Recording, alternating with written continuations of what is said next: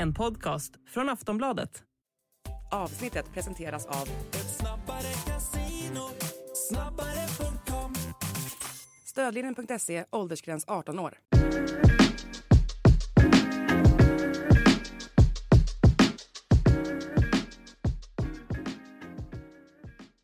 Allsvenska podden är tillbaka den här veckan med mig, Daniel Kristoffersson och Makoto Asahara. Och vi går in i avgörandet med stort A. Det ska spelas en guldmatch i, Borås, eller i Malmö mellan Malmö FF och eh, Elfsborg. Eh, och det ska även avgöras vilket lag som får kvala. Eh, så det är en fullspäckad avslutning på, på allsvenskan och det blev ju en galen eh, näst sista omgång också där allt var upplagt för Elfsborg men det sket sig totalt. Men eh, ska vi börja lite grann med bottenstriden då? För det har ju varit helt klart att Varberg har åkt ur länge. Eh, sen då så eh, skulle ju Degerfors eh, försöka ta chansen eh, borta mot Elfsborg. Ett Elfsborg som om de hade vunnit hade tagit SM-guld eftersom Malmö förlorade mot Häcken och var helt bedrövade. Eh, men det blev ju en galen match i eh, Borås när Degerfors jag vet inte riktigt var vi ska börja, men Degerfors eh, liksom tar ju ledningen och chockar ju Elfsborg och Elfsborg kommer tillbaka. Eh, och sen så tar Degerfors ledningen igen. Sen blir det 2-2 eh, och sen det, alltså min starkaste känsla, det är ju såklart eh, när det blir 11 minuters övertid och sen kommer Elfsborg 2 mot 1 när det står 2-2 eh, och de bara ska göra mål och de missar. Och missar de guldet nu då så tror jag att den situationen kommer gräma dem extremt mycket. Men sen så här i efterhand så har jag blivit så fruktansvärt irriterad eh, eftersom att Degerfors fattade de inte att de kunde åka ur. Det var ju som de liksom maskade sig ur allsvenskan. Vad är din take på, på det hela? Alltså, ja, min take, var ska man börja säger jag också på något sätt eh, när det kommer till eh, det som pågick där. Ja, det var ju, alltså Sondre Rosbach pratade väl typ om att han inte riktigt först hade koll på hur de skulle, alltså de ansåg väl i det här läget att vår bästa möjlighet är att ställa om på Elfsborg när de måste anfalla och därav att man då, men att liksom maska med bollen när den inte är i spel, det fanns ju ingen anledning för dem att göra Nej. det. Däremot lämna över taktpinnen för att kunna gå på omställning. Men det, det, men det är ju ofattbart att de inte har fått ut direktiv att vinner vi inte den här matchen så åker vi ur. För de, de går inte fram, jag, jag fattar inte så här, varför, de skulle ha två, två där bak och sen bara skicka upp nio man. Det var totalt jo, jo, desperat. Men om de skickar upp nio man totalt i det här läget så menar vi, de, i alla fall när det fanns, det, det jag inte förstår är till exempel när de maskar när bollen inte är i spel. Nej. Däremot att de låter Elfsborg ta över taktpinnen i och med att de vet att Elfsborg också går för det. Det kan jag på något sätt förstå som en gameplan, även om det är en riskabel gameplan och den absolut inte lyckades på något sätt. Eh, man ska väl nämna det också, en detalj som är ändå ganska fin och häftig i det här eh, två, två mot ett-läget i slutet, att vem är det som jobbar hem för Degerfors? Det är Hugo Bolin, Malmö FF-killen, som gör det för att försöka liksom hålla Malmös gulddrömmar vid liv. Eh, nu var det väl inte kanske det han tänkte när han jobbade hem, han tänkte nog främst på Degerfors, men likväl Ja men sen är det ju Peter Gvargis också som... Ja, Gvargis som ja. kliver fram, det var ju många som, som hjälpte Malmö FF ja. i det läget. Eh, men sen är det ju, ja, det är ju något av det mest sanslösa vi har bevittnat i Allsvenskan till att börja med. Det var ingen som förväntade sig att Degerfors skulle ha någonting att säga till om mot Elfsborg. De gör det på ett sätt så att de får välförtjänta applåder av publiken och deras fans för sättet de ändå faktiskt gav den match mm. mot det som just nu är eh, seriens absolut bästa lag. Eh, så att, eh, nej det, jag vet, jag vet knappt om man ska sluta heller i den här utläggningen, med men det Ja, det är ju, jag tycker det är tråkigt att Degerfors åker ur, men det är såklart de har gjort sig förtjänt av det. Med facit i hand så borde nog eh, Patrik Werner sparka Tobias Solberg och Andreas Holmberg i, där i somras när, när, det var, eh, när det såg väldigt dåligt ut. Det tror jag man ångrar nu, men då ville man ju liksom, jag tror man ville för mycket göra det man gjorde förra året, att hålla fast, för då var också eh, liksom eh, snack om att tränarna skulle mm. få sparken. Då höll man fast vid dem eh, och så lyckades man. Man hade för mycket övertro på det. Så, så man borde, och, och, bara det att man, de inte ens får fram budskapet till att de måste vinna i, i slutet. Eh, det, bara det är ju skäl att, att få sparken, tycker jag. Men, men i alla fall, eh, mm. nu är det oklart om de är kvar. Det är trist att Degerfors åker ur. Jag tycker ändå de har haft lite otur i en del matcher. Samtidigt går det inte att snacka bort att de har verkligen vikt ner sig när det har gällt som mest. Mm. Ja, ja men så är det ju. Sen att det är ju för sent att vakna. Det är ju liksom sättet de hanterar matchen mot Kalmar till exempel. Ja. Det är ett Kalmar som inte har någonting att spela för där när man åker på 0-3 tidigt. Det håller inte. Nej. Och sen att man inte fick in en nia. Man värvade Pashang Abdullah som har varit ett jätte, jätteflopp. Skulle man fått in en riktig eh, anfallare där som hade gjort mata på med lite mål. Eh, det tror jag också man hade man hade klarat det. Ja men det är sånt som kan rädda kontrakt, ja. att just få in en spelare som är pålitlig och sätter lägena när de kommer. Eh, där vi kan konstatera annars av det här är att nu får vi ju ändå, Guldmatchen ja, med ett stort vi får den och det är inget snack om att vi måste börja ta fram eh, liksom miniräknarna för att räkna på olika saker i och med att de ligger på samma målskillnad också. Om Malmö vinner så vinner Malmö SM-guld. Om Elfsborg tar poäng borta, då vinner de SM-guld. Det är en, det är ett väldigt häftigt eh, scenario måste man ändå säga som, eh, som stundar där. Och det finns ju så många bottnar i det också. För om man tittar då före hade Elfsborg fått det här scenariot före allsvenskan började så hade man ju tagit det alla dagar i veckan tror jag. Att man hade eh... Ja men det här, de, tapp, de, precis, utan tvekan såklart ja. man hade gjort det. Och eh, Malmö var ju stora favoriter. Eh, med tanke på utvecklingen nu så är ju, känns det som att ingen press är på Malmö. Det är ett jättefiasko om Malmö Eh, inte, eller ett fiasko om de kommer tvåa och inte tar SM-guld. Eh, det hade varit före säsongen. De var jättegivna favoriter. Men som det utvecklas nu har ju de allt att vinna. De var ju i princip uträknad efter att de hade förlorat mot Häcken och det såg man ju på eh, liksom äh, spelarnas eh, eh, reaktioner och alltihopa. Men sen har de ju fått en andra chans nu så de har ju eh, allt att vinna om man ser till de här sista matcherna och Elfsborg ska ladda om från att ha haft en gyllene chans att spela hem SM-guld ska man nu liksom mot storfavoriterna eh, försöka ladda om och försöka tänka som att okej, okay, men det är ändå Malmö som gör det största fiaskot om man inte jag tar SM-guld. Jag tror att de inte överhuvudtaget tänker på vilka som gör fiaskon eller inte. Det intressanta på något sätt blir ju hur ska Elfsborg ta sig an den här matchen? Ja. För att kryss räcker för dem. Ja. Kryss räcker för guldet. Det räcker att grisa sig till 0-0. Frågan är de, de har lag till det Elfsborg. Känns ändå alltså, som att... De... Nej, Jimmy Tillin är ju taktiskt och, och bra sådär, men det känns ändå inte som att... De har ju laget för att vara återhållsamma om vi säger ja. så. Det, det, har de ju, att eh, låta Malmö diktera tempot. Det kommer de göra och lägga, det, kommer, det är ju helt uppenbart, det är ju helt ja, uppenbart de kommer göra. Eh, men det man kan säga är ju att med det här då mot varandra sista omgången är det här en av allsvenskans absolut, absolut största matcher som vi har sett under åtminstone 2000-talet. Alltså det, med tanke på allt som står på spel, eh, sättet vi har hamnat här, ja. eh, sista omgången, de möter varandra, det är så tydligt vem, vad som gäller. Absolut, Malmö har ja. hemmaplansfördel, men de måste vinna. Ja, det är största ah. på 14 år skulle jag säga. Det är svårt att snacka bort en guldmatch mellan AIK och uh, Göteborg, eller Göteborg och AIK på därav, därav en av. Ja, exakt. ja, jo, den, ja, men det, den, den jag skulle hålla mig som den som lite större med tanke på rivaliteten. Självfallet. bra ja. var. Men det är klart att med, mm. jag förstår vad du menar. Med dramaturgin, med hur vändningarna har tagit, med allt det har varit. Så det är klart att det här är en, en, en jättematch. helt makalös Så nu till 10, 10 000 kronors frågan. Hur går det då Makoto? Alltså jag har ju suttit i den här studion från och till under hela den här säsongen och eh, vidhållit, vidhållit, vidhållit och vidhållit att Malmö FF bibehåller mitt guldtips så länge de är i spel för att kunna ta det. Och jag har väl egentligen inte en anledning att ta bort det tipset, men samtidigt, det är en avgörande match hemmaplan för Malmö, de har en press på sig ändå att faktiskt ta den här gyllene möjligheten de har fått.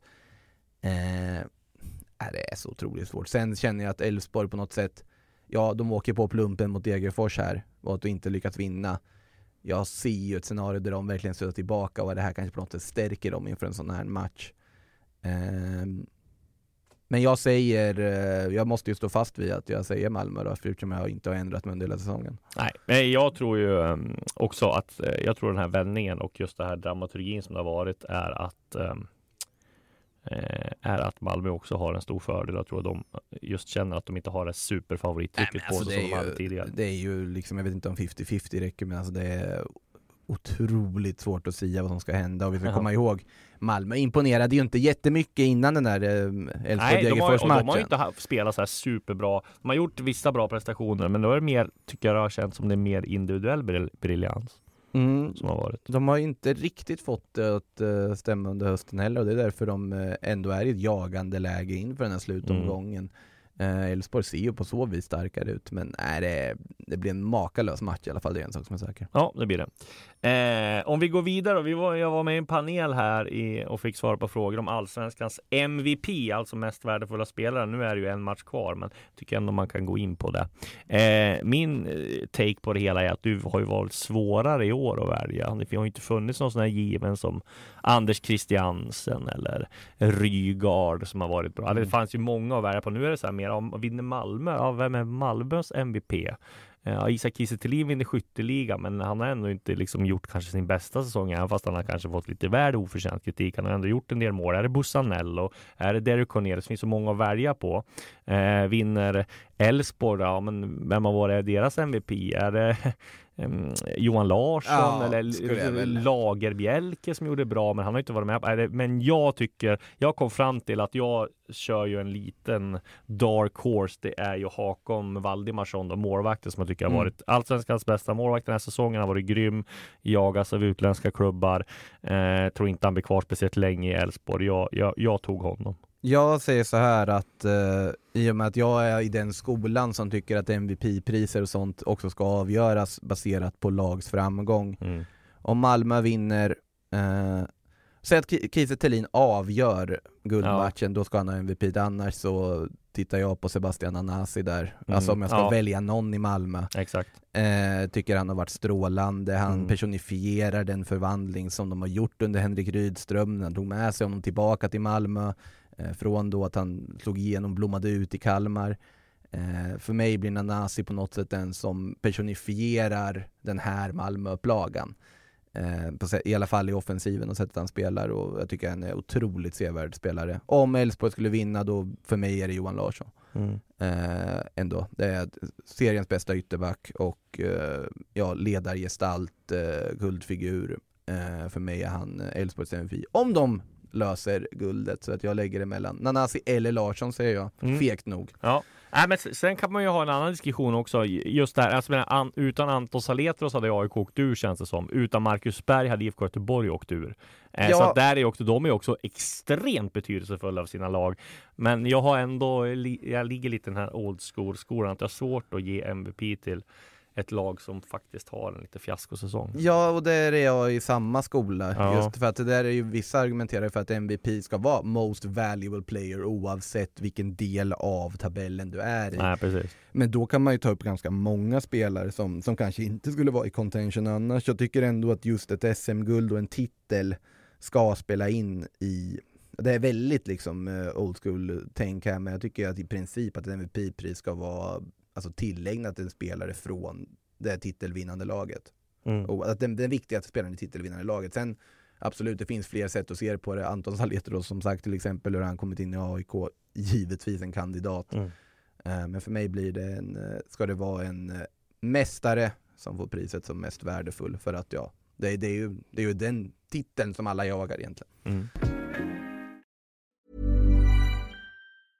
Hey, I'm Ryan Reynolds. Recently, I asked Mint Mobile's legal team if big wireless companies are allowed to raise prices due to inflation. They said yes. And then when I asked if raising prices technically violates those onerous two year contracts, they said, What the f are you talking about, you insane Hollywood ass? So to recap, we're cutting the price of Mint Unlimited from $30 a month to just $15 a month. Give it a try at mintmobile.com slash switch. $45 upfront for three months plus taxes and fees. Promo rate for new customers for limited time. Unlimited more than 40 gigabytes per month. Slows. Full terms at mintmobile.com. Eh, vi går in på IFK Göteborg och AIK och Saletros och Berg. Eh, Berg var inte med såklart, han har ju lagt av, men Saletros var med när eh, Göteborg tog emot AIK på Gamla Ullevi. Jag var där, fick se en galen bränning där i, i början. Det var något rejält i hästväg jag där jag IFK Göteborgs supportrar. Jag satt och tittade på skärmen och tänkte, alltså, på tal om att inte veta om man ska börja, så det var verkligen så här. Oj, ja här, här var det åka av. Ja, exakt. det var, Ja, det, var, var- det var galet. otrolig effekt på det där väskförbudet höll jag på att säga. Nu hade de väl i och för sig, hade de för sig tillåtelse att ta in vissa typer av väskor som de hade ansökt om i just Göteborgs Ja, men nu fall. var och, det väl- och dessutom, ja precis. Det, man hade väl gömt det kvar där va? Ja exakt, så det fann, ja, ja precis. Eh, nej det var makalösa scener och sen, Mm. sen är det ganska förståeligt varför det blir en diskussion kring det efter. Ja. För det, var, det, kan, det var, Det- kändes väl inte jättekontrollerat om du säger så. Eh, definitionen av ett kaos-tifo kan man väl Ja. lugnt konstatera. det kan man lugnt Eh, men intrycksfyllt var det, det, det, det rådde ingen tvekan om. Nej. Kul match också tyckte jag Ja, det tyckte jag också var händelserikt. AIK var ju väldigt bra i den matchen. Det är det, kanske deras bästa bortamatch den här säsongen. Eh, körde över Blåvitt tyckte jag. Eh, stora delar av första halvlek. Där tycker Besirovic och eh, eller Bersant Selina och eh, Anton Saletros gör det väldigt bra på mitten. Framförallt Omar Faraj och Mats Tykosen var ju väldigt bra också. Omar Faraj är en av de bättre matcherna, även fast han inte gör mål. Eh, och sen så får ju Göteborg som tar ledningen på deras egentligen första riktiga anfall när Sotte eh, skjuter in bollen i eget mål. Då. Men nej, det kändes, det blev ju 1-1. Taha Ayari gör det ruskigt bra. Eh, Mm. han var också ruggigt bra.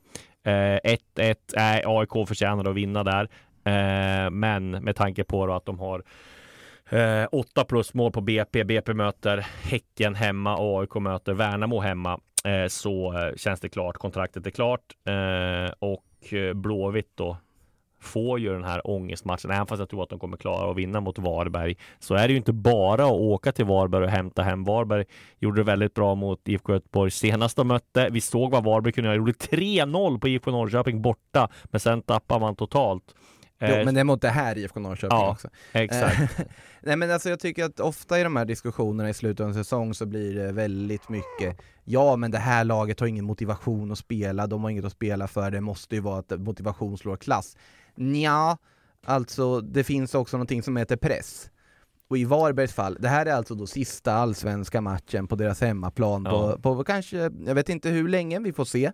Men eh, så de kommer ju gå ut med någon form av glädje. De har kunnat acceptera sitt öde under ganska många omgångar och kommer kunna gå ut med en helt annan form av frihet och också vetskap att vi kan sätta ett avtryck i den här serien i vår sista match. Vi ska komma ihåg, jag var på plats när eh, Varberg då var i Göteborg och mötte IFK Göteborg, en av deras kanske lägsta punkter den här säsongen när man förlorar mot Varberg. Eh, det är krismöte med fansen utanför arenan, det är otroligt dyster stämning kring den klubben. Mm. Sen har Jens Asko från det verkligen fått fart på det här IFK Göteborg och verkligen lyckats implementera sin fotboll och att de har ju växt enormt sen dess. Men det är det där Varberg igen. Mm. Och de ska åka dit och möta dem på en bortaplan. Jag är absolut inte övertygad om att eh, Blåvitt kommer därifrån med tre poäng. Sen då å andra sidan, BP. De möter ett Häcken som har sin tredje plats cementerad, ett Häcken som ska ha liksom Europa League-matcher som kommer därefter. Men då, Häcken kommer ju kasta in då säkert massa unga spelare som vill visa framfötterna och visa att de ska vara med i Per-Mattias Högmos eh, kalkyleringar när han ska ta ut truppen till kommande Europaspel. Mm. De kommer komma ut med en jättestor hunger och visa att men jag vill vara en del av det här BK Häcken som spelar i Europa och spelar häftiga matcher. Det ska inte heller underskattas. Nej, verkligen inte. Men samtidigt, man ser också ett scenario där BP ändå liksom med då motivation har gjort 2-3-0 på ett eh, sömnigt Häcken efter en första halvlek. Man ser ett scenario där ett avslappnat AIK har släppt in 2-3 mål mot ett pikt Värnamo hemma sista omgången. Mm. Stämningen på Friends Arena då, om det skulle vara ett sånt läge och det plötsligt börjar ändå närma sig målskillnadsmässigt, ja det, det vet jag inte om man vill och, se. Och Men, Det är ett jättemisslyckande i IFK Göteborg att man har satt sig i den här situationen. Man trodde att de hade löst det där när de hade fått en del eh, in Mukolli och Santos och, och Selmani och Asko hade börjat tagit poäng, men det har ju varit extremt uselt de senaste mot AIK var varit bedrövligt. Så de har ju vikt ner sig när det gällt som mest. Nu sitter man alltså eh, i en säsong där man skulle vara med i toppen, i alla fall topp 8. Eh, så sitter man alltså och kan få kvala eh, troligtvis eh, mot Utsikten då, eller Öster eh, inför sista omgången och det är ju inte bra att man har satt sig i den här situationen. Det är eh, underkänt till den sportsliga ledningen eh, skulle jag vilja säga rejält. Och Men återigen, sen då det här bottennappen i somras så har de ju lyft sig. Jo det har det, men, men det, det- grejen är att de var ju så mycket nere i skiten då att det har liksom inte Ja, och det är ju, tagit och det är ju, mång- det är ju många som då, jag tror nog att det är många som efter den här 2 förlusten mot Varberg där, om man hade sagt att Göteborg har så här många poäng till godo och kan undvika kvalplats sista omgången, typ hade tagit det. Mm. Det var så pass stor krisen var. Sen absolut, det finns fortfarande saker som inte funkar i deras spel och det är totalt sett ett extremt underbetyg och vad det de är på alla möjliga fronter. Eh, men sen tror jag ju i och för sig att de kommer att, även om de säger, säger då att lek med tanken att de faktiskt inte löser Varberg, BP löser Häcken, de har kvalplats, så tror jag att ett, i ett kval så löser Blåvitt det också. Ja det tror jag också, Eh, men det... Men ja. det är såklart att det är ett totalt underbetyg. Mm. Eh, sen blir det väldigt intressant att se hur kommer Mascodo få en försäsong på sig nu till nästa säsong. Hur Ja. kommer Blåvitt se ut? Vad kan man ställa för förväntningar på dem? Eh, det blir väldigt spännande att se och det gäller ju samma med AIK egentligen som ju Mm. ja, typ är klara men ändå inte helt matematiskt är det. Mm. Eh, vad kommer vi få se? För, vad, kan man ställa för förväntningar på ett AIK nästa säsong? Vad kommer göras under i sommaren där? Eh, nej men så klart att det är två klassiska klubbar som har varit i en del av tabellen där de absolut aldrig ska vara egentligen sett till förutsättningar och sett till allt, allt runt omkring och allt. allt. Eh, så att båda behöver ju ta nya tag och, eh, och gå längre framåt nästa säsong. Mm. Ja, men ska vi konstatera då att det är tre eh, intressanta matcher. MFF Elfsborg såklart, guldmatchen. BP Häcken, Varberg, Blåvitt. Sen är det väl ganska mellanmjölk där, de, de, de matcherna som kommer. De matcherna som var då, eh, där förra omgången, eh, det var ju Djurgården som Mm. du var på. Ja, eh, Sirius som fortsätter Ja. imponera verkligen måste man säga.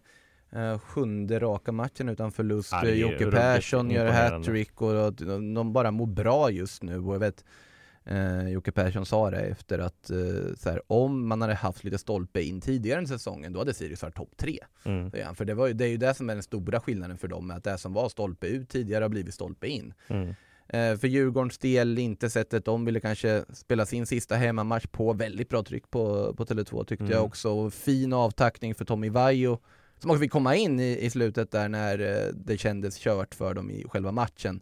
Eh, oklart dock varför han inte gick upp på den där hörnan på 93 Nej, när publiken skanderade upp Nej, när det upp exakt. när Tommy Vaiho stod kvar. Eh, nej men, så, men Djurgården, cementerad fjärdeplats, det är de inte nöjda med men samtidigt, de har fortfarande någon form av litet Europahopp vid liv Ja. beroende på vad som händer i, i Svenska Cupen. Eh, men utifrån deras ambitioner och vart de är som klubb just nu så är ju inte en fjärdeplats bra nog i deras tycke. Nej. Eh, även om de blir bästa Stockholmsklubb. Precis, och där får vi se lite vad som händer då. Jag, jag har ju skrivit och eh, tror att klubbled, sportsliga ledningen där har en del jobbiga beslut att fatta. Dels Mm. gällande Kim och Tolle. Jag tror väl kanske inte att Bosse Andersson sparkar dem. Eh, de har, ska man, man, man ska väl kanske ändå ha råd med en misslyckad säsong och fyra, okej, misslyckande, så stort misslyckande Det är andra som det har inte. Det är andra som har gjort värre. värre. Är. Men, men frågan är ju där och kemin och, och vad spelarna säger och vad spelargruppen tycker och Mm. hur liksom det eh, eh, ja hur han eh, eller hur eh, de ju. har hanterat och Jesper Lövgren och det här så det är klart Mm. att de har ett jobb att göra där. Jag tror att det, eh, det kommer att funderas både en och två gånger eh, vad som händer där. På tal om Eh. avtackningar ska man väl nämna att eh, Mike Sema fick ju en roligare avtackning Ja. i alla fall. Eh, Det kan man lugnt säga. Vände däremot eh, Varberg eh, Ja. efter att ha legat under med 0-3 vilket också är fascinerande. Efter en utskällning av Glenn Riddersholm. Ja, så, så var det, och så Ja. lite yngre förmågor som kom in och, och tog för sig och sen eh, Ja det var ju avtackning för Kristoffer Telo och Aris Mm. Gulason också eh, Men fint för Mike Sema att få göra mål i sin, eh, sin sista match där och att de, de fick lite medvind i en säsongsavslutning som varit ganska liksom, intetsägande med tanke på deras Mm. tabelläge eh, Vad har vi mer att av? Jag har inte pratat någonting om Häcken-Malmö Nej, men där var det väl eh, en choke från Malmö, Häcken. Pontus Dabo som briljerade också som, rugg, ruggigt bra. Ja, nej det var otroligt kul att se honom och såklart att Malmö på något sätt gav Elfsborg chansen där. Och det trodde jag aldrig att uh, Häcken skulle ha liksom, den, motivationen. Men, eh, Återigen, det är inte bara nej, motivation. Nej, Dab- man kanske Dabo- överskattar den. Ja, Dabo passar på. Dabo Ja. passar på att visa att nej, men jag vill vara med och spela matcher, jag vill vara med och starta matcher, jag kan. Sonko har visat att han kan. Ja. Jag är också en ganska stor talang som kan göra det. Såklart att det finns sån typ av motivation som inte bara är tabellbaserad också, som man väldigt lätt glömmer bort i sådana där sammanhang. Ja. Eh, ja, sen, sen fanns det ju väl, det var väl en stor detalj i den matchen som kanske var den mest eh, anmärkningsvärda och det var ju när eh, Ayam Moussou fick besök på planen där av, eh, av ett gäng åskådare. Sjukt. Ja, det, han ska- Som hade gängkriminell koppling avslöjade Expressen senare. ja, Det var helt sinnes. Nej, det var otroligt underliga scener Ja. minst sagt. Eh, De dök ju upp där som någon sorts eh, en- entourage. Nu, nu Och de har tydligen suttit i pre pressrummet också där på Bravida Arena tidigare. Ja. Det, Och så eh, sa väl där i en intervju här att han inte kände någon av dem eh, överhuvudtaget i alla Nej. fall. Men eh, det var otroligt underliga scener oavsett. Det är väl en och helt så omaskerade också. Det brukar vara så här att okej, nu kommer de in och vill inte visa sig, men här var det. Ja, Nej. nej, nej, det var, bara det var Nej, det, det, man slutar aldrig förvånas över det som händer i, i allsvenskan. Nej, det gör man inte. Mycket märkligt. Men eh, jag tycker vi har avhandlat eh, den eh, omgång som var och vad som komma skall. Eh, då går vi in. En shoutout till Halmstad kan vi också skicka. Ja, de ändå... ändå... lyckades klara. Och så får jag säga grattis till Gais som har eh, klarat. Grattis till eh, eh, allsvenska absolut, kontraktet. absolut på sin plats tycker Ja. jag. Har noterat här på sociala medier att folk har haft väldigt roligt åt eh, våra tippningar av Superettan inför Ja säsongen. men det är ju helt sjukt. Det är Ja, ju för vet. fan ett lotteri, Ja, Superettan.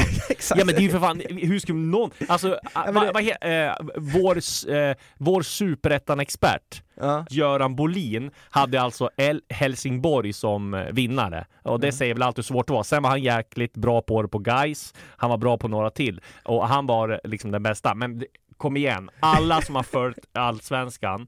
Eh, nu, vet, nu vet jag också att det, det är liksom Formula 1A för alla de här twittrarna. Sätta det åt journalister med skärmdumpar för något man har sagt. Och det, det köper vi. Det är, Ja, liksom ja, men det- inga, det är inga problem alls. Men just Superettan de senaste åren, det har ju varit hela havet stormar. Det, det är inte som att jag lägger sömnlös om nätterna och tänkte att aj, aj, aj, jag tippade utsikten på nedre Nej, halvan, vad, vad tänkte jag där? Alltså, snälla, det, det, det är ungefär som att försöka tippa Championship-matcher på Stryktipskupongen, Ja. det är bara att liksom ta en tärning och slå och hoppas på det bästa. Ja. Eh, och jag är Men lite... eh, lite roligt var det ju faktiskt. Ja, det var- det Sen var- blir det ju också att man kallas expert. Det, jag gillar inte det ordet. Reporter eller eh, gillar jag mer. Nej, jag, jag överväger starkt att faktiskt tippa Superettan med tärning nästa säsong, Ja. bara för att. du, du kan, vi, vi, vi kan inte göra det sämre än, än eh, vi gjorde i bilagan Nej, så det är här året. Är det, men också, Nya det tag oroligt. nästa år. Roligt. Nya tag nästa år. Men bra, grattis till Halmstad, välförtjänt. Eh, Grattis till guys, eh, välförtjänt. Nu går vi över på det här. Hey, I'm Ryan Reynolds. Recently, I asked Mint Mobile's legal team if big wireless companies are allowed to raise prices due to inflation. They said yes. And then when I asked if raising prices technically violates those onerous two year contracts, they said, What the f are you talking about, you insane Hollywood ass? F- So to recap, we're cutting the price of Mint Unlimited from $30 a month to just $15 a month. Give it a try at mintmobile.com slash switch. $45 upfront for three months plus taxes and fees. Promo rate for new customers for limited time. Unlimited more than 40 gigabytes per month. Slows. Full terms at mintmobile.com. Silly Season är i eh, hög form och eh, eh, vi avhandlar väl det, jag och Boman lite grann förra veckan, här, Kim Hellberg och Hammarby. Vi avslöjade dels eh, förra veckan att Martis Cifuentes var klar för QPR. På slutsignal avslöjade vi att Kim Hellberg var högt upp på eh, Hammarbys lista och dagen efter att han eh, var huvudkandidat och att de försöker göra klart med honom och gå för honom nu. Så får vi se.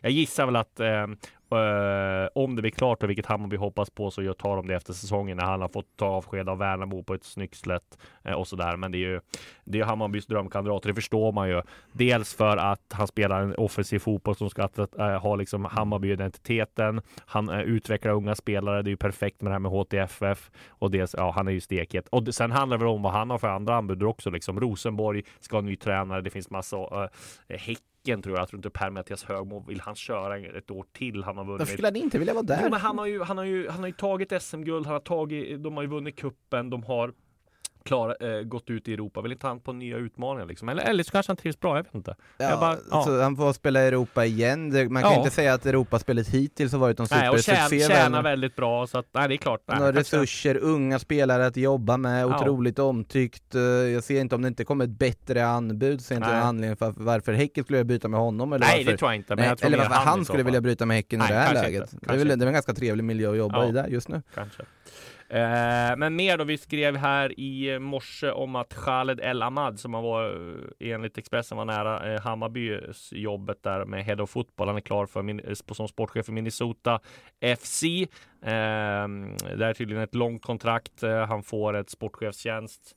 Eh, och ja, skräddarsydd roll där i Minnesota. MLS är på gång. De ska ha eh, värvat flera toppnamn eh, MLS, alltså Messi och sådär. Och sen kommer VM eh, 2026 i, i eh, USA. Nu pratar du om MLS som liga här. Ja, men jo, men det är ju VM där också i liksom, Ja, så är det. Ja, Så så det gör ju att hypen kring, kring MLS kommer bara att bli större. Och jag har ju sagt det här tidigare jag tror ju att när USA ser att Saudiarabien och de här har börjat liksom hämta alla de här stora stjärnorna. Jag tror att inom några år kommer man släppa på lönetaket i MLS och tänk hur många rika eh, personer det finns i USA som bara kan gå in med klubbarna och liksom försöka locka till sig. Så jag tror att MLS kommer bara växa och växa. Framförallt det här med när de får eh, världsmästerskapet också.